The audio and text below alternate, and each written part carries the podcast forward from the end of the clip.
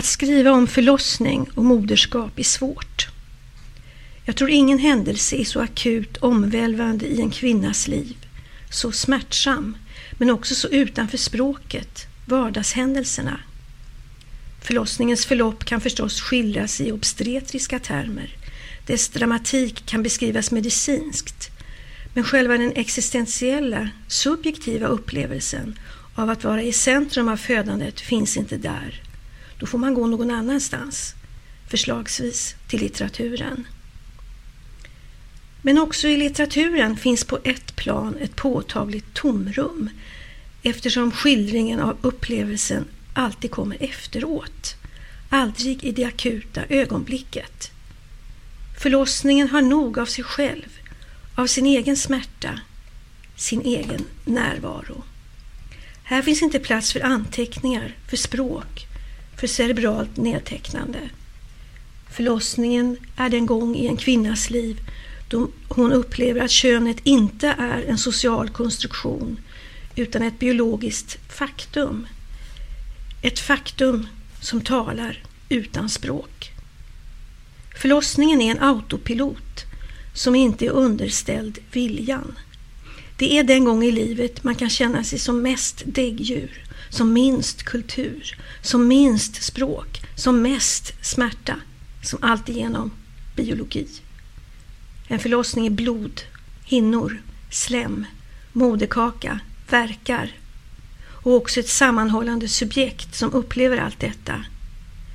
Men hur skildra detta litterärt i poesi? Det är denna svåra uppgift som Elisabeth Berchtold tagit på sig i sin diktsamling Modersmyter.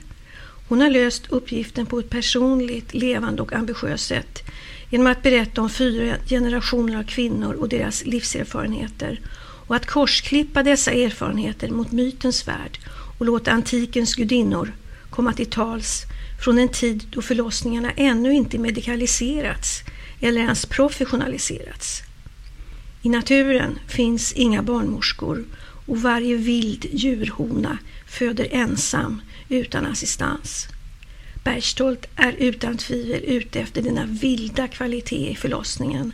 Den märkliga upplevelsen av en djurisk urscen där biologin uppenbarar sig och där ingenting av de kulturinlärda strategierna att hantera en krissituation kan fungera. Den vilda, men samtidigt uråldriga kunskapen är nedlagd i själva kvinnokroppen. Dess biologiska funktioner har inte förändrats sedan mytisk urtid, inte sedan Eva fick på sin lott att föda sina barn med smärta. Bristen på berättelser om förlossningen som en subjektivt omskakande vild och existentiell händelse tror jag har drivit Berchtold att dikta. Förlossningen blir den händelse där kvinnokroppens utsatthet exponeras men där också dess styrka kan manifesteras. En styrka som kan vara tidigare okänd för kvinnan själv. Förlossningen är en dramatisk händelse som aldrig kan beskrivas i idylliserande ordalag, även om lifestyle-tidningar gör sitt bästa för att banalisera den, göra den gullig, pastellfärgad. Stråket av obönhörlighet, av ett mörker som måste genomvandras kommer alltid att finnas där.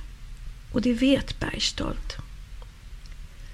Redan omslaget är mörkt, illavarslande. Vi ser här en skymningsskog med tre hindar under en gråvit himmel. Ett verk av konstnären Mats Adelman. I förgrunden tar en kvinnogestalt med ugglehuvud på en stubbe blickkontakt med betraktaren i en bild där myt och människa blandas i ett halvt upplyst landskap. Med taggig frakturstil avtecknar sig titeln Modersmyter i bokstäver som andas uråldrig smärta. Men mottot av Sappho-församlingen är en svindlande vacker vy. Här möter vi en hög himmel och en åkallan av kärleksgudinnan.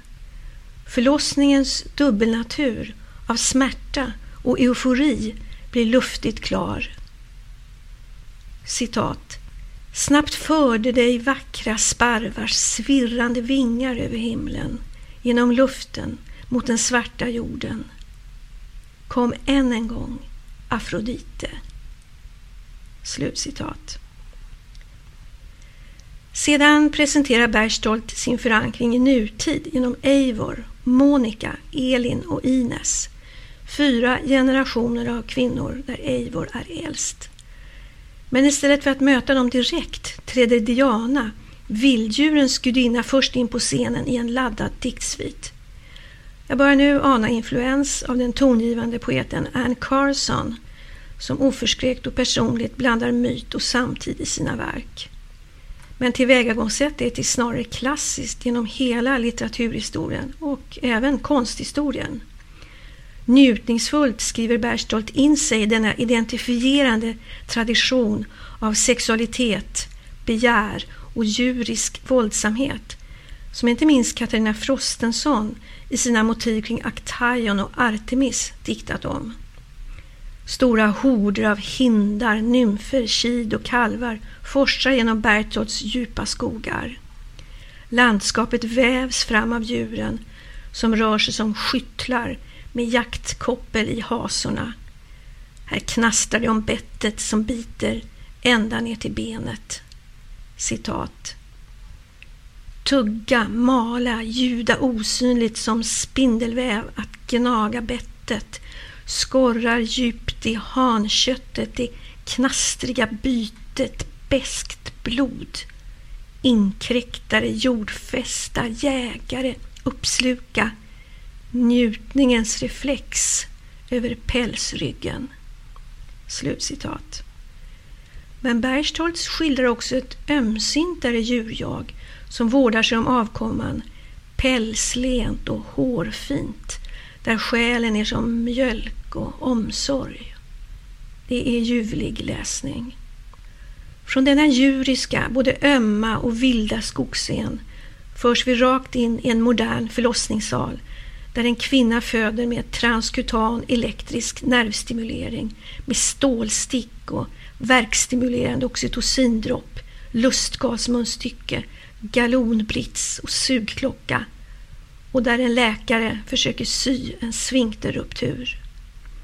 Födandet är här instängt, inträngt, instrumentalt, långt borta från skogens vida öppenhet och bejakande djuriskhet.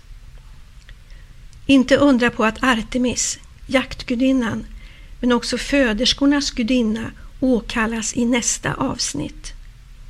Så snart Artemis fötts av sin mor hjälpte hon sin tvillingbror Apollon till världen och blev därefter en beskyddare av alla födande kvinnor. Här tecknas en annan sorts förlossning utan den kliniskt hårda lysrörsglansen men ändå med smärtan vass och intakt.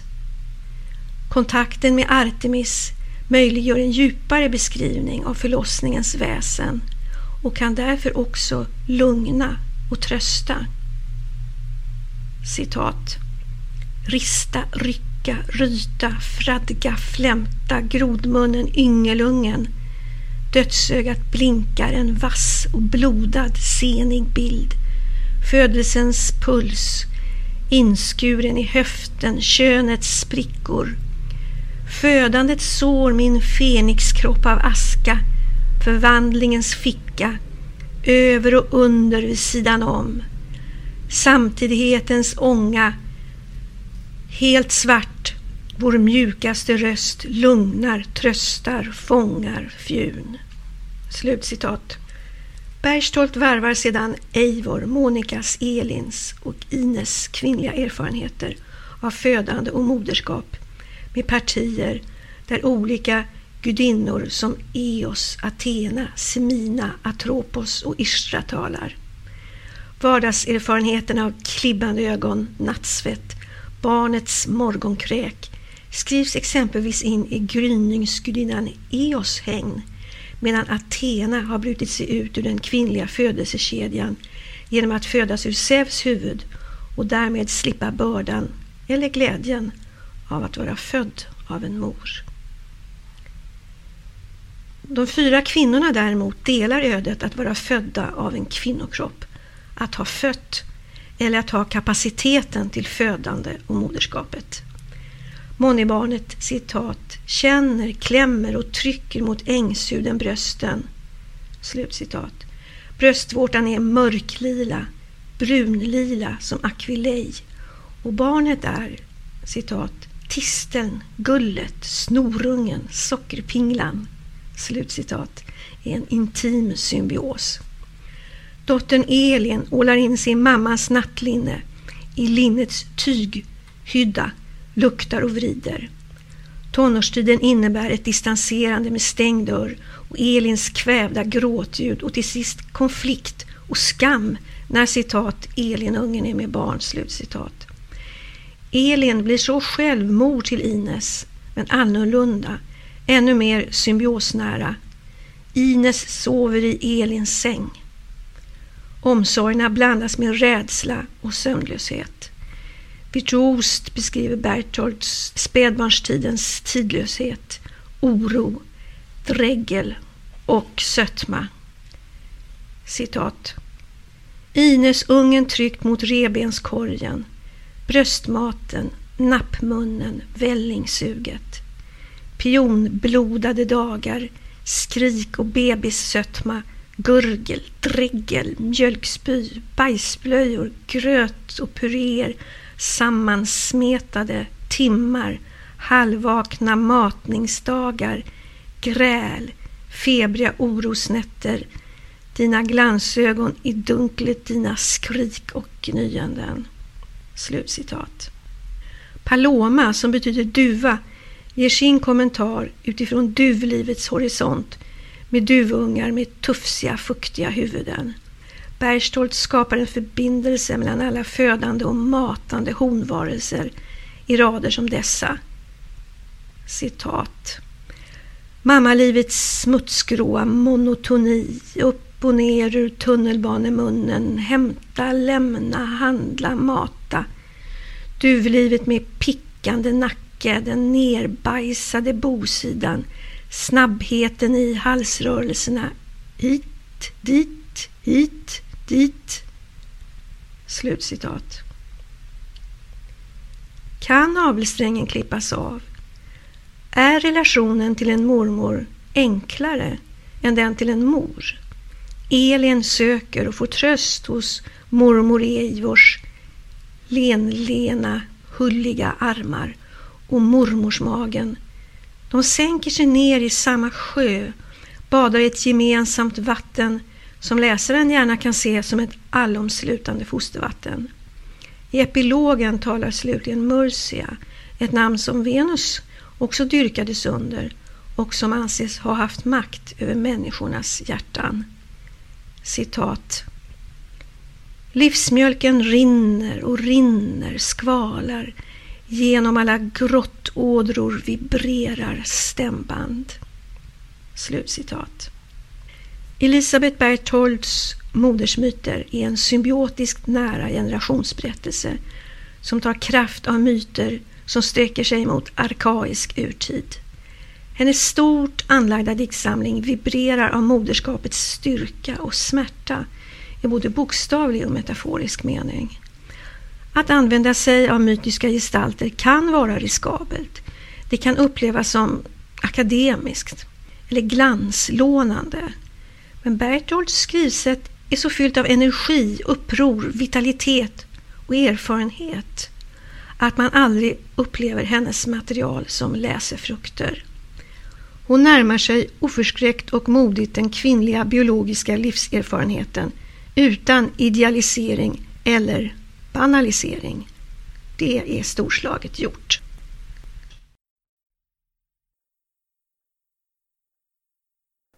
Den här recensionen är originalpublicerad på www.ornenochkrakan.se under ansvarigt utgivarskap.